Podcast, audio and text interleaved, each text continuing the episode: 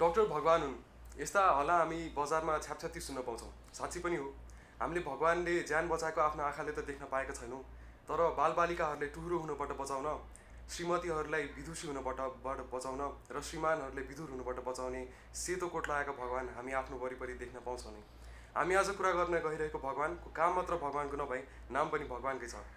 नेपाली स्वास्थ्य क्षेत्रका एक लब्ध प्रतिष्ठित महानुभाव र भनौँ मुटु मुटु रोगको एक युग प्रवर्तक व्यक्ति डाक्टर भगवान् कोइराला। उहाँले हामी स्वागत गरौँ सर। तपाईँले स्वागत छ आज हाम्रो यो सत्रमा। नमस्कार। सर मैले तपाईँले सब सर्वप्रथम सबसे पहिलो क्वेसन के सोध्न चाहेँ भने हाम्रो नेपालको तपाईँ उत्कृष्ट मुटुको चिकित्सक हुनुहुन्छ। त्यसपछि भनौँ तपाईँ हाम्रो गङ्गालालको कुरा त सबैले थाहा नै छ। मलाई होस् अथवा अरू कसैलाई पनि होस्। त्यसपछि तपाईँ नेपाल मेडिकल काउन्सिलको पनि अध्यक्ष हुनुहुन्छ। तपाईँ यता मनमोहन कार्डियोथोरासिकमा पनि सबै कुरा हेर्दै हुनुहुन्छ। भने एउटा मान्छेले जीवनमा जति का कर्म गर्न सकिन्छ त्यतिमा चाहिँ यति धेरै सोच्दा चाहिँ अह सकिँदैन जस्तो लाग्छ आफूलाई। भने हामी चाहिँ तपाईँले के भनेर चिन्नु त? होइन त्यस्तो धेरै काम होइन यो। यो त समयको व्यवस्थापन पनि हो। आफ्नो प्रोफेसनल लाइफ बिताउने क्रममा गर्नुपर्ने नेचुरल काम पनि हो। मेरो प्रोफेसनल लाइफ भनौँ न म चिकित्सक भएकै छ्यालिस सालतिर भने कति वर्ष भयो एकतिस वर्ष भइसक्यो। सर्जन भएकै नाइन्टी फोरमा सकेको मैले गाडी थ्रेसिक भनेपछि वर्ष पनि धेरै भयो। लागिराखेपछि त दिन पनि धेरै छन् घन्टा त झन् धेरै छन्। हजुर। गरिराखेपछि त त्यो अटोमेटिकली बिल्डअप पनि हुँदै जान्छ होइन। अब खालि कुरा के हो भने टाइम चाहिँ नि व्यवस्थापन महत्त्वपूर्ण विषय हुन आउँछ। यही मात्रै गरी बसेर पनि हुँदैन होइन। अब अरू धेरै कुराहरू लाइफका चाहिँ नि महत्त्वपूर्ण कुराहरू छन्। चिरफार मात्रै मेरो लाइफ पुरा पनि हुन सक्दैन जनतालाई पनि त्यसले पुग्दैन अनि एडभोकेसीको कुरा पोलिसीको कुराहरू जान्न बुझ्न र प्र्याक्टिस गर्नुपर्छ। तर लामो समयसम्म काम गरेपछि काम पनि धेरै हुनसक्छ। त्यो मेरो मात्रै कुरा होइन यो सबैलाई लागु हुने कुरा। सर मैले चाहिँ तपाईँको बारेमा जब अध्ययन गर्न खोजेँ त्यसपछि मलाई के लाग्यो भन्दाखेरि कुनै पनि यन्त्रको दक्षतामा केही समस्या होला तर तपाईँको काम चाहिँ जुन एफिसियन्सीले तपाईँले काम गर्नुभएको छ त्यही हाम्रो युथहरूले पनि त्यसरी नै काम गर्दै चाहिँ हाम्रो देश एकदमै अगाडि बढ्न सक्थ्यो जस्तो लाग्छ मलाई। फेरि पनि इफिसियन्सी पनि हो टिम बिल्डअप गर्ने पनि एउटा महत्त्वपूर्ण पार्ट हो। त्यो क्षमता पनि हो हुन्छ। डेलिगेट पनि गर्न सक्नुपर्छ। सबै एक्लै गर्न खोज्यो भने के पनि धेरै गर्न सकिँदैन। लिड गरिराख्नु पनि पऱ्यो टिममा बस्नु पनि पऱ्यो टिम बिल्ड पनि गर्नु पऱ्यो ट्रेन गराउनु पऱ्यो फर्केर स्पेस क्रिएट गर्नु पऱ्यो यो जम्मै काम पनि यही यही इफिसियन्सीको एउटा पाटो चाहिँ हो डेफिनेटली त्यसैले team building is is next most important thing very important अब सर यही वर्तमान प्र परिवेशलाई जोडेर एउटा प्रश्न सोध्न चाहेँ। अहिले मैले यो कोरोना नोबल कोरोना भाइरसले गर्दा हाम्रो जीवनमा जस्तो उतार चढाव भएको छ त्यसबाट त हामी सबैजना अवगत नै छौँ। तर मैले रिसेन्टली आफ्नो छरछिमेकमा अथवा भनौँ आफ्नो परिवारमा पनि के सु सुने भन्दाखेरि कसैले कसैको भित्र कसैमा कोरोनाको लक्षण देखिएको छ भने कसैको सिम्टम देखिएको छ भने कोरोनाको मान्छेहरू अहिले हस्पिटल जान रुचा रुचाउँदै छैनन्। के भन्छन् भने कोरोना लागेको छैन भने पनि हस्पिटल गएर कोरोना लाग्छ त्यसपछि चाहिँ ज्यान जान सकिएला भनेर। अब के हस्पिटलले साँच्चै ज्यान बचाउन सक्दैन र? यसमा चाहिँ त्यो पूर्ण सत्य होइन। यो सत्य चाहिँ के हो भने कतिपय अस्पतालमा धेरै बिरामीहरू आउने हुनाले बिरामीहरू आफैले प्रिकसन नलिने अस्पतालमा इन्फेक्सन प्रिभेन्सनका प्रोटोकल्सहरू चाहिँ अक्षरशः पालना नगर्ने ठाउँहरू पनि होलान्। त्यस्तो ठाउँमा चाहिँ एक आपसमा सर्ने सम्भावना रहन्छ। त्यो सही हो। अथवा त्यो अस्पताल मात्रै होइन कुनै पनि भिडभाड हुने ठाउँ मल भन्नुहोस् बजार भन्नुहोस् होइन थिएटर्स भनौँ रेस्टुरेन्ट भनौँ सबैमा हुने सक्ने कुरा तिनै हुन्।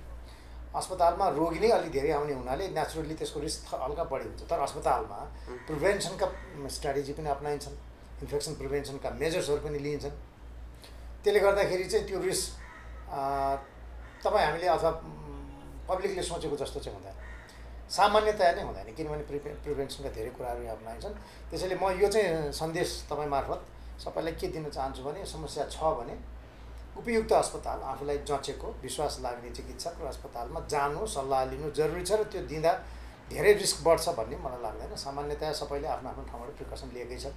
कोभिडको बारेमा सबै जाने फकार पनि छ आफूले चाहिँ प्रिकसन लिनु पऱ्यो आफै जाँदा पनि आफ्नो दुरी मेन्टेन गर्ने मास्क लगाउने सेनिटाइज गरिराख्ने त्यो त युनिभर्सल हो। त्यो गरियो भनेदेखि चाहिँ अस्पताल जानबाट डराउनु पर्दैन र मैले अर्को दिने सन्देश कोभिडको नाममा नन कोभिड रोगहरू विशेष गरी हार्ट क्यान्सर डायबिटिज प्रेसर लगायतका विभिन्न कुराका समस्याहरू चाहिँ घरमै थलिएर बसेको र त्यसबाट चाहिँ कम्प्लिकेसन भएर हामी कहाँ आउँदा धेरै लेट भएको। हामीले महसुस गरिराखेका छौँ। तसर्थ समयमै एउटा सर्टन टाइमसम्म औषधि खाएर मिलुन्जेल मिलाउने तर गाह्रो भएपछि खुरुक्क अस्पतालमा। अप्रोच गर्ने। हामीले विभिन्न तरिकाले भर्चुअल मिटिङको अप अप्सन पनि खोलिदिएका छौँ। हजुर। फोनबाट हुन्छ या चाहिँ टेलिकन्सल्टेसनको कायदाहरू छन्। कमसेकम हाम्रो टिममा चाहिँ मेसेजिङ फोन ओपन छ सधैँ। सो त्यो पहिला सल्लाह लिने चाहियो भने अस्पताल आउने निर्धक्क आउने। किनभने घरै बसेर मात्रै हुँदैन। अब यहाँ कोभिडको बारेमा अर्को पाटो पनि छ। सामान्य सिम्टमकोलाई अस्पताल भर्ना हुनु पर्दैन।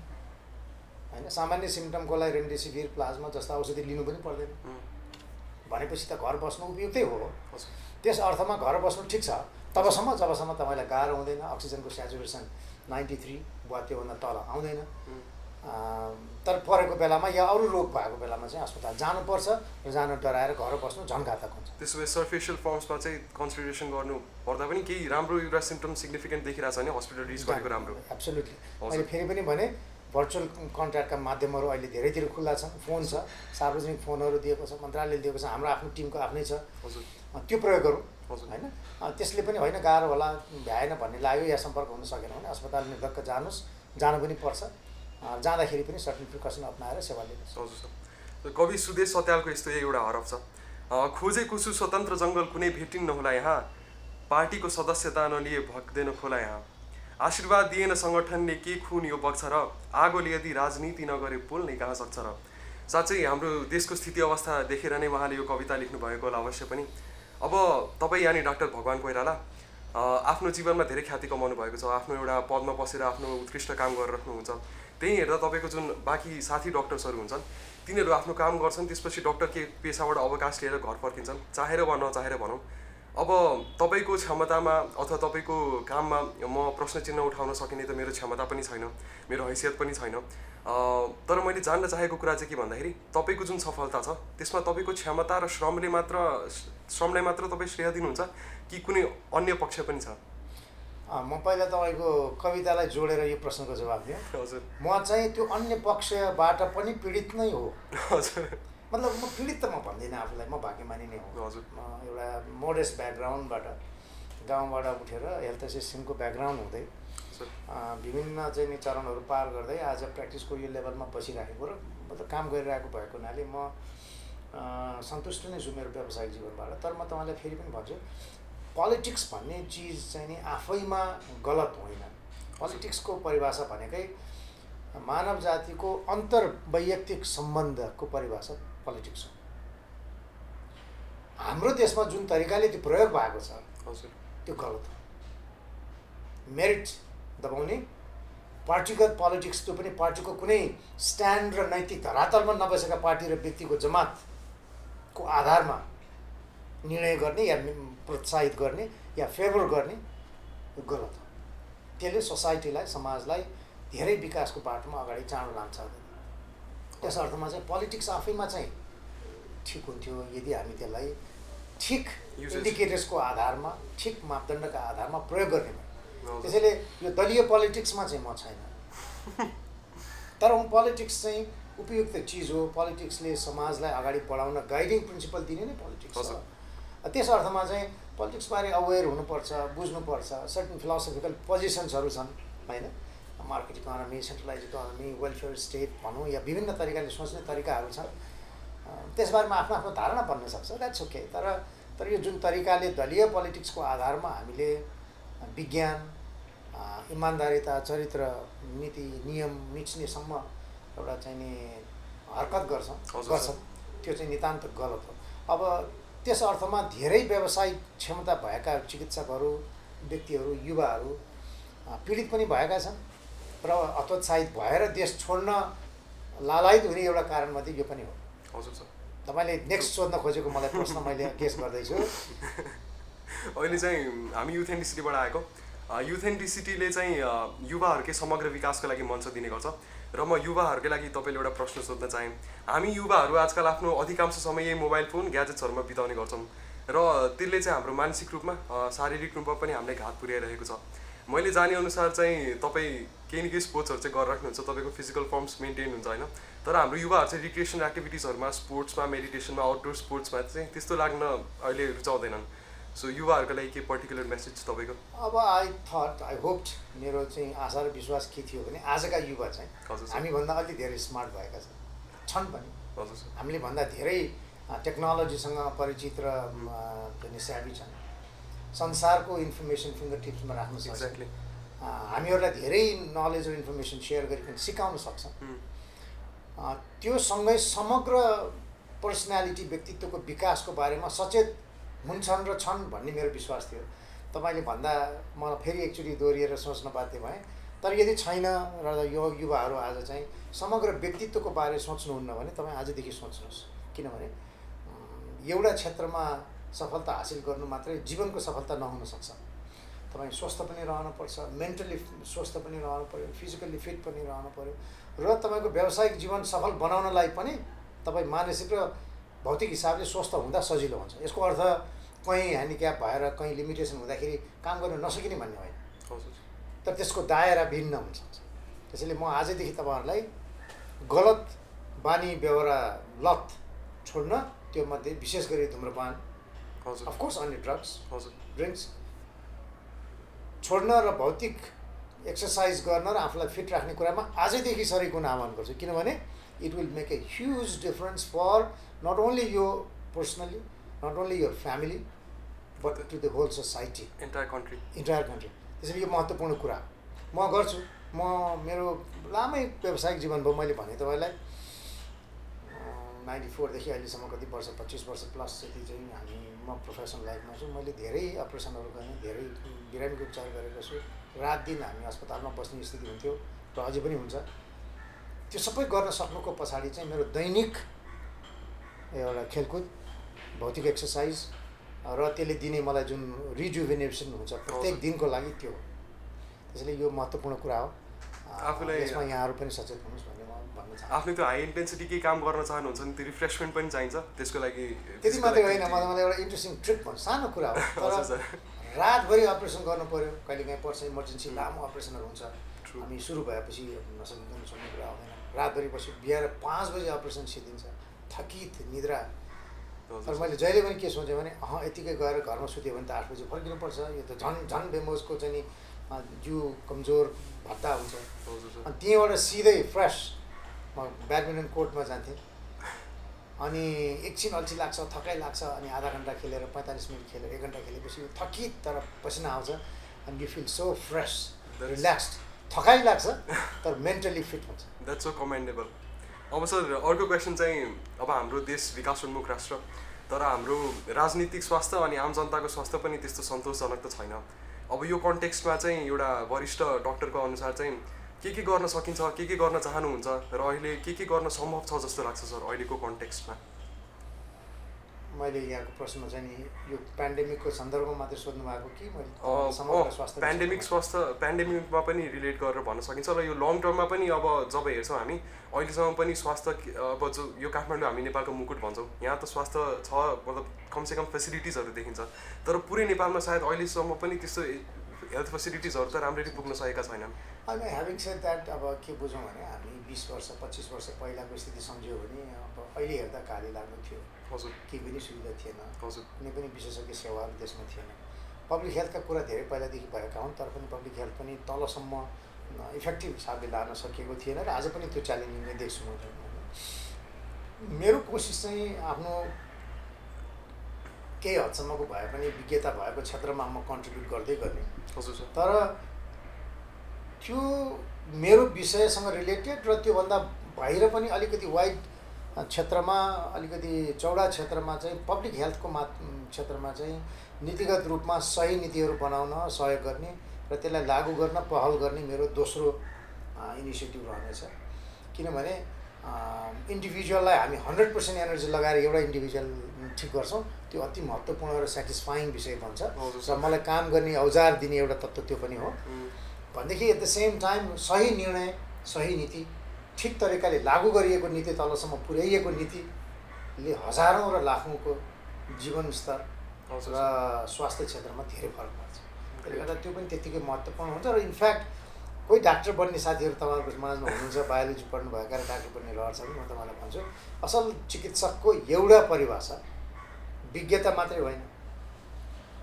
रिसर्च गर्ने मात्रै पनि होइन। टिम बिल्ड गर्नुपर्छ मैले अघि भने त्यो मात्रै पनि होइन। आफूले प्र्याक्टिस गर्ने विषयको पब्लिक हेल्थको रिलेटेडमा बिरामीको फरमा बोलिदिने एडभोकेसी गर्ने दायित्व पनि हाम्रो। Is one of the documented established qualities of a doctor you advocate for your patients मैले अब am really feeling energise talking to you मजा आइरहेको छ मलाई मैले अर्को क्वेसन चाहिँ you really role model to people round हेर होइन अब मैले जाने अनुसार चाहिँ तपाईँले जब आफ्नो युएसएमनीको स्टेजेसहरू कम्प्लिट गर्नुभएको थियो आफ्नो एजुकेसनल त्यो त्यो एस्पेक्ट त्यसपछि चाहिँ तपाईँ बाहिर पनि एकदमै आरामदायी जीवन बाँच्न सक्नुहुन्थ्यो होइन? तर पनि तपाईँ नेपाल फर्किनु भयो त्यसपछिको इतिहास त हामीलाई थाहा नै छ। त्यो पहिलेको कुरा। सर आजको समयमा पनि युवाहरूले अस्ट्रेलिया गएर भाडा बाँच्न खुब रहर लाग्छ। ती युवाहरूका लागि चाहिँ तपाईँ के कुन नजरले हेर्नुहुन्छ र अब आउने युवाहरूको लागि चाहिँ तपाईँ के सुझाव सल्लाह दिन चाहनुहुन्छ? पहिला मेरो कुरा छोडिदिउँ किनभने त्यो पढ्ने क्रममा तालिमको क्रममा गयो मैले कहीँ बस्ने सोचे पनि होइन। त्यसैले त्यसलाई कुनै ठुलो इस्यु पनि नभए तर स्टिल सर किन आजको तपाईँको दोस्रो प्रश्नको दोस्रो पाटोको प्रश्नमा चाहिँ मैले यसलाई नेचुरल नजरले हेर्न चाहन्छु। बनावटी नजरले हेर्ने काम छ। हाम्रो देश सुसभ्य विकसित समृद्ध शान्त हुँदो त। होस् भन्ने चाहना हामी सबैको छ र सायद हामी प्रोग्रेस पनि गरिरहेछौँ। तर त्यो महसुस धेरैलाई हुन्थ्यो त हाम्रो मान्छेहरू यति धेरै जाँदैन थियो भनेर त्यसैले फन्डामेन्टल प्रश्न चाहिँ त्यो नै हो। तर तपाईँले अर्को कुरा चाहिँ कुरा ठिक भन्नुभयो। प्रस्तुतिमा मात्रै मेरो प्रश्न के हो भने भाडा माझ्ने या जेसुकै पनि तल्लो स्तरको काम गर्ने भने त्यही काम गर्न लाज मानेको हुनाले चाहिँ नेपाल बिग्रियो। त्यसैले कहाँ गएर के काम गऱ्यो त्योसँग मलाई के आपत्ति छैन इनफ्याक्ट त्यो ठिकै कुरा हो। जान्छन् चाहिँ किन? गएर फर्केर किन आउँदैन? त्यसमा देश समाज हामी जस्ता अगाडिका पुस्ताले चाहिँ के के बिगार्यो? नेताले के के बिगार्यो? राजनीति कुन हिसाबले विकृत तरिकाले यहाँ प्र्याक्टिस भइरहेछ? यो कुराहरू महत्त्वपूर्ण कुरा छ र म त यस सन्दर्भमा हामी व्यावसायिक जीवन जिवाउने हामीहरूले के गोरेटो कोरिदियौँ त हाम्रो नेक्स्ट जेनेरेसनलाई हजुर सर। र नेताले सही स्वच्छ र चाहिँ इमान्दार प्र्याक्टिस गरिकन यहाँ पोलिटिक्स पनि शुद्ध छ भन्ने माहौल दिनलाई के गर्दै हुनुहुन्छ भन्ने प्रश्न चाहिँ हामीले सोध्नु पऱ्यो त्यो हुँदै गयो भने मान्छेहरूको फर्किने इच्छा पनि जागेर आउँछ। म त्यो हेरिरहन्छु। अमेरिकाबाट धेरै साथीहरू नेपाल फर्किन चाहनु भएको छ। विभिन्न यस्तै कारणले पनि हेजिटेट गर्नुभएको छ। अफकोर्स व्यक्तिगत सुख सम्पत्ति लाइफको चाहिँ एउटा स्टाइल र कम्फोर्ट ले धेरैलाई उतै आकर्षित गरेको छ। त्यो उहाँहरूको व्यक्तिगत चोइस हो। I wish they understood that they are wrong in the sense कि फिजिकल कम्फोर्ट आफै सुख र दुःखको परिभाषा हुन सक्दैन। ट्रु भेरी ट्रु मलाई चाहिँ त्यस्तै लाग्छ सर। यहाँ किन भन्दाखेरि नेपालमा पनि संसार समेटिएको छ। जता हामी अपर्च्युनिटी खोज्न चाहन्छौँ नि त्यता भेटिन्छ सर। त्यो मरुभूमि भए पनि कचकच धेरै छ। विभिन्न हिसाबको कन्फाउन्डिङ फ्याक्टर्सहरू धेरै छ। तापनि आफूलाई एउटा समयमा चाहिँ कि प्रोफाइल के अरे लो प्रोफाइलमा राखेर आइसोलेट गरिकन यो धेरै बखडाबाट चाहिँ अनइन्भल्भ हुन पनि सकिन्छ यहाँ। र कन्ट्रिब्युट गर्न चाहेमा लड्दै पढ्दै गर्दै नतिजा निकाल्न पनि सकिन्छ सर जीवनमा भनिन्छ खट्न र खप्न दुवै सक्नुपर्छ। तपाईँले खटेको त हामीले देखेकै छौँ। तपाईँले कति खप्नु भएको छ? तपाईँ जब लो फिल गर्नुहुन्छ जब डिमोटिभेटेड फिल गर्नुहुन्छ त्यो इमोसनल पिन चाहिँ कताबाट ल्याउनुहुन्छ तपाईँ? होइन यो युथहरूको लागि पनि एकदम राम्रो कुरा क्वेसन यो एकदमै महत्त्वपूर्ण कुरा हो यो एकदमै महत्त्वपूर्ण कुरा किनभने हाई हुँदै भयो भने हुनेले मात्रै जित्ने अगाडि बढ्ने हुनै सक्दैन हजुर सर भन्नु सजिलो छ consistently lower high keep working त्यो त बडा सजिलो जवाब छ म पनि त्यही भन्छु जेनरली सबै र हुनु पनि अगाडि बढ्ने एक मात्र बाटो हो त मेरो लागि त हेर्नु सजिलो कस्तो छ भने भरे माइ गर्न to what choices do I have मसँग के चाहिँ चोइस अर्को छ कि म लुकेर बसौँ या थाकेर सुतेर बसौँ? मैले राम्रो काम गरेँ भनेर भन्दाखेरि पनि मैले त्यो कोट अनकोट इज्जत धान्न त मैले काम गर्नैपर्छ यसले गल्ती गर्यो अथवा यसले इनफ गरेन भनेर क्रिटिसाइज गर्दाखेरि पनि त्यसलाई कम्पेन्सेट गर्नु पनि मैले कामै गर्नुपर्छ we have no choices except to try to do better every single day र त्यही नै मात्रै बाटो छ। I feel low at times म I feel frustrated at times अहिले पनि त्यति बेला चाहिँ के कुराले अब त्यति कुरा एउटा मेरो एडभान्टेज के हो भने म व्यावसायिक जीवन प्योरली आई भने नि मेरो I give hundred percent to my patients then I feel happy because we could help हामीले बिरामीहरूलाई मद्दत गर्न सक्ने एउटा सानो भए पनि हैसियत राख्ने हुनाले त्यो गर्दाखेरि पनि हामीलाई एक हिसाबको सन्तुष्टि आइरहन्छ र अप्ठ्यारो परेको दिन समाजले या कुनै चाहिँ एजेन्सीले या समूहले नचाहिने चाहिँ नि दुःख दिएको या रिजेक्ट गरेको दिन पनि। म चाहिँ आई क्यान बी कन्टेन्ट कि लुक फुर्गेट मैले मेरो काम त छोडेको छैन। आइम कन्ट्रिब्युटिङ र त्यो त मेरो प्रोफेसन भएको हुनाले मलाई त्यो फिल गर्नु अलिक सहज छ तर यो चिज अरूले पनि लागु गर्न सक्छ। हजुर सर। सारा चिज अगेन्स्टमा हुँदाखेरि पनि आफूले गर्ने काम त गरिराख्न सकिन्छ नि। त्यो आफ्नो एउटा के निकाल्नु पऱ्यो तर। मैले अब जसरी स्ट्याटिस्टिक्स हेरिरहेको थिएँ साउथ एसियन सब कन्टिनेन्टको पर्टिकुलरली हामीले हेऱ्यौँ भने हरेक तिनजनामा एकजनालाई चाहिँ स्ट्रेस र एन्जाइटी छ छ भन्ने कुरा चाहिँ आएको छ। जुन कर्पोरेट वर्क्समा चाहिँ जुन मान्छेहरू लागिरहेका छन्। सो तिनीहरूले त अब के त्यस्तो एउटा निकाल्नु जुनले अँ, चाहिँ त्यो सबैले आफ्नो लागि। हजुर सर। उजागर दिने चिज एजेन्डा चाहिँ आफ्नो लागि सेट गरिराख्नुपर्छ र म म म यहाँहरू सबैलाई फेरि पनि मैले धेरैचोटि भनेको छु। मेरो एउटा नोट छ पछि किताब पनि आउँछ होला। यहाँ लेखा पनि छु। हजुर। र मैले बोलि पनि रहेको छु कि मैले आफूले प्र्याक्टिस गर्ने चाहिँ के हो भने सेट यर ओन स्ट्यान्डर्ड्स समाजमा काम गर्दा ग्रो गर्दा अब कानुन फलो गर्ने बेलामा एथिक्स फलो गर्ने बेलामा यो त्यो त्यो आफ्नो मिनिमम स्ट्यान्डर्ड चाहिँ नगुमाऊ हजुर। जतिसुकै अप्ठ्यारो परोस् म योभन्दा तल झर्दिनँ। आफ्नो क्वालि कामको क्वालिटी प्रोफेसनको कुरा भनिहाल्यो एथिक्सको होइन? जेसुकै हो। किनभने तपाईँले समाजलाई झुक्क्याउनु होला एकछिन। सानो ग्रुपले देखेर आउँछ। सानो ग्रुपलाई झुक्क्याउनु सक्छ। तपाईँको श्रीमतीले देखेर आउँछ या श्रीमानले देखेर आउँछ? उसले हेर्छ। हटाइहोस् नि। अब केही पनि लागेन भने श्रीमतीलाई झुक्क्याउनु भने मनले त भन्छ कि "आ, मैले बेमान त गरेँ so set your own stands हजुर सर। अनि द्याट किप्स यु गोइङ अब एउटा क्वेसन चाहिँ यो मलाई एकदम सोध्न मन थियो। हाम्रो युवाहरूको लागि होला यो पर्टिकुलरली क्वेसन सर तपाईँ खुसी केले देख्नुहुन्छ? खुसी के प्रोफेसनल लाइफबाटै मात्र आउँछ। मेन खुसी जीवनको खुसी प्रोफेसनल लाइफबाट आउने हो। अब हेर्ने हो भने तपाईँले प्रोफेसनल लाइफमा त धेरै ख्याति कमाउनु भयो। त्यही ख्याति खम कमाउनुलाई तपाईँले जीवनको खुसी मान्नुहुन्छ? अब अब answer is no no answer is no त्यसले मात्रै पुग्दैन। अफकोर्स प्रोफेसनल लाइफमा राम्रो गर्न सक्नु आफूले चाहेको तरिकाले पर्फर्म गर्नु आफ्नो मिनिमम स्ट्यान्डर्ड मिट गर्दै अगाडि जानु सक्नु या पाउनु त्यो महत्त्वपूर्ण कुरा होइन? त्यसैले आफ्नो प्रोफेसन छान्ने बेलामा चाहिँ आफ्नो एरिया अफ इन्ट्रेस्ट कम्फोर्ट छान्नु भन्ने कारण त्यो हो। कसैले भनेर बुवाआमाले या चाहिँ परिवारले छिमेकले पैसाको लोभले मार्केटले भनेर मात्रै गर्नुहुन्न आफ्नो इन्ट्रेस्टबाट आउनुपर्छ। किनभने then you can enjoy your profession for rest of your life त त्यसले मात्रै मान्छेलाई सुखी कन्टेन्ट बनाउँदैन बनाउँदो रहेछ। कतिसम्म बनाउन बनाउँछ जस्तो होइन? धेरै हदसम्म प्रोफेसनल लाइफले धेरै हदसम्म बनाउँछ। म सुखी हुनुको एउटा प्रमुख कारण सुखी नभनौँ मतलब खुसी। सेटिस्फ्याक्सन ड्र गर्न पाउने एउटा प्रमुख कारण मेरो प्रोफेसनल लाइफमा दुःख मेरा भित्र अति दुःख छन्। तर पनि समग्रमा त we we continue to do something तर त्यो मात्रै होइन रहेछ। तपाईँले समाजलाई कसरी कन्ट्रिब्युट गर्नुभयो? तपाईँले चाहिँ लङ टर्म लेगेसी छोड्ने या अरू समाजलाई इम्प्याक्ट पार्ने के काम गरिदिनु भयो परिवारसँग तपाईँको अन्तर सम्बन्ध कस्तो छ? एक आपसको बिचको फ्रेन्ड्समा चाहिँ कस्तो छ? अनरिलेटेड मान्छेलाई पनि हानि नगरिकन तपाईँले कति सहयोग गर्न सक्नुहुन्छ। स्वार्थकै भरमा मात्रै गरेर काम पनि लाग्दैन। यो जम्मै कुराहरूले तपाईँलाई एन्डमा चाहिँ सुखी बनाउँछ। अथवा यी चिजहरू मैले भनेका चिजहरू सकारात्मक रूपमा चाहिँ छाप छोड्न सक्यो भने चाहिँ मान्छे सुखी फिल गर्दो रहेछ। त्यसैले हुन त एउटा एजेन्डा पुरा गर्नको लागि प्रोफेसनल एचिभमेन्टको लागि सक्सेसको लागि चाहिँ एक हदसम्म फ्यामिली कम्प्रोमाइज गर्ने व्यक्तिगत अरू आकाङ्क्षाहरू तोड्ने कहिलेकाहीँ चाहिँ अरू समाजको क्षेत्रमा काम गर्न कम हुने हुन्छ। त्यो एउटा एजेन्डा पुरा गर्न सकारात्मक रूपमै पुरा गर्न पनि कहिलेकाहीँ कम्प्रोमाइज गर्नुपर्छ। टाइमले पुग्दैन। त्यो नेसेसरी हो सर। अब मैले यो यसमा हल्का के जोड्न चाहेँ। जस्तै कि यो आर्ट फर्म्स जसरी हाम्रो युथ एनटिसिटीले प्लेटफर्म दिएको हुन्छ मान्छेहरूलाई। अनि युजली पेरेन्ट्सहरूले अथवा गार्जेन्सहरूले के भनिदिन्छन् भने तैँले यो गरेर न इज्जत पाउने हो न पैसा पाउने हो न प्रतिष्ठा पाउने हो होइन? त यो फिल्डमा चाहिँ जाँदै नजा म त यसमा खासै नजानै भन्छु टाइपको कुराहरू सुनिन्छन् देखिन्छन्।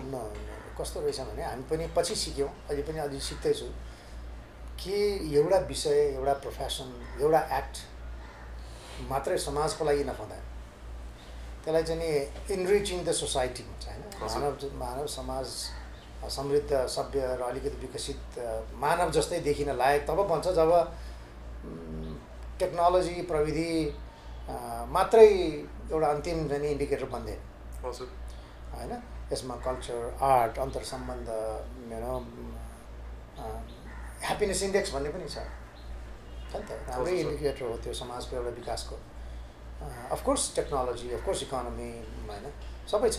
तर तर मन पोजिटिभली आफ्नो अरूलाई हानि नगरिकन आफ्नो इन्ट्रेस्टको एरिया प्र्याक्टिस गर्ने र त्यसलाई विकसित गर्दै लाने चाहिँ सबैको लागि महत्त्वपूर्ण कुरा हो र म यो पनि भनौँ तपाईँलाई anything you do in its perfection is an art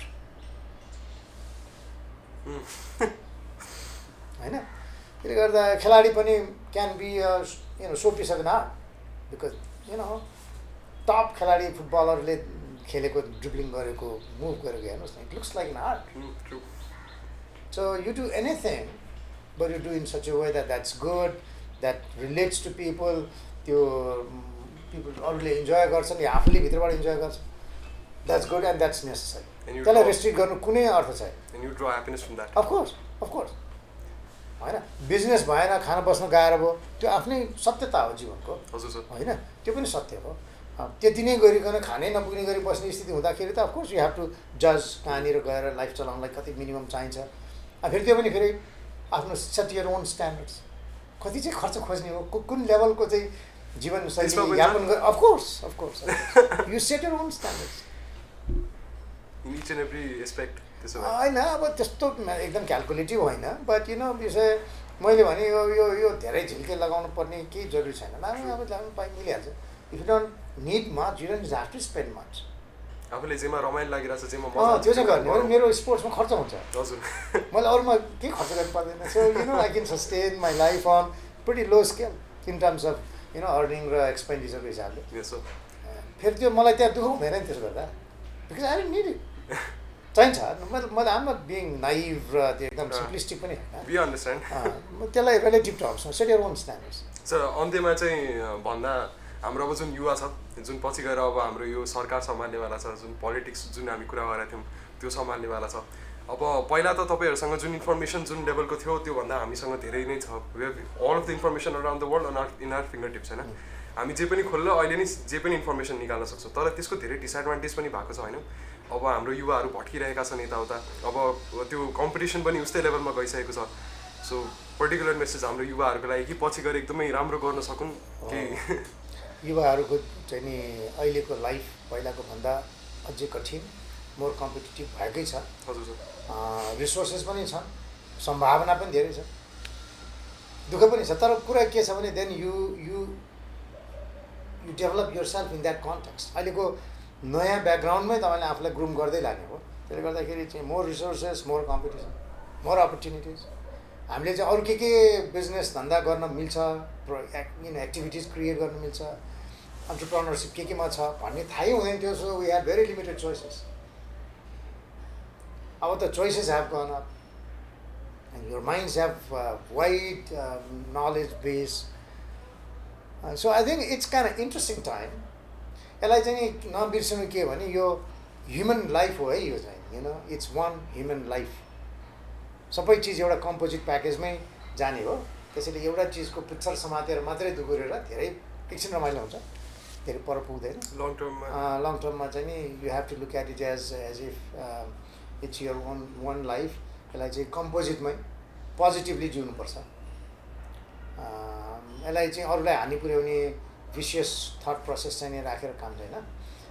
proactive positive आफ्नो इन्ट्रेस्टलाई चाहिँ नि प्राइम केन्द्रबिन्दुमा राख्ने। अनि keep working you have to work hard यो ठग्ने अल्छी गर्ने सुतेर मात्रै त हो, के पनि हुँदैन।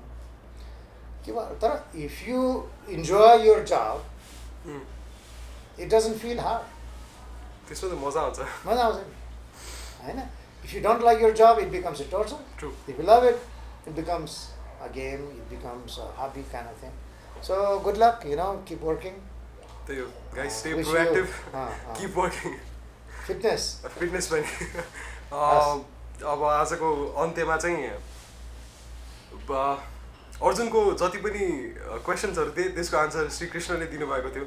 आज यो कलियुगमा म अर्जुन नभए तापनि हामीले देखेका हामीसँग भएका भगवान् डाक्टर भगवान् अ, मेरो तथा हाम्रो जति पनि भ्युवर्सहरू छन् तिनीहरूको सबैको क्वेसन्सहरू चाहिँ आफ्नो टाइम निकालेर दिनुभयो। त्यसको लागि सर धेरै धेरै धन्यवाद। ल तपाईँहरूलाई धन्यवाद। गुड लक अब keep on this is how you have to do यही हो। यङ मान्छेहरूले यस्तो थट प्रोसेस राख्न सक्ने यस्तो भिजन राखेर। एक्टिभिटी जे गरिरहनु भएको छ तपाईँहरूले that itself shows that our youth त्यस्तो बिग्रिहाल्यो होइन यो राइट ट्र्याक कहिले काहीँ चाहिँ नि priorities may sway from here to there but I believe in our youth you will do far better than what will done hope so thank you सबै दर्शकबिनहरूलाई पनि धेरै धेरै धन्यवाद। हामी फेरि पनि तपाईँसँग जोड्नेछौँ युथ एलिसिटी पडकास्टको अर्को सत्रमा। धन्यवाद।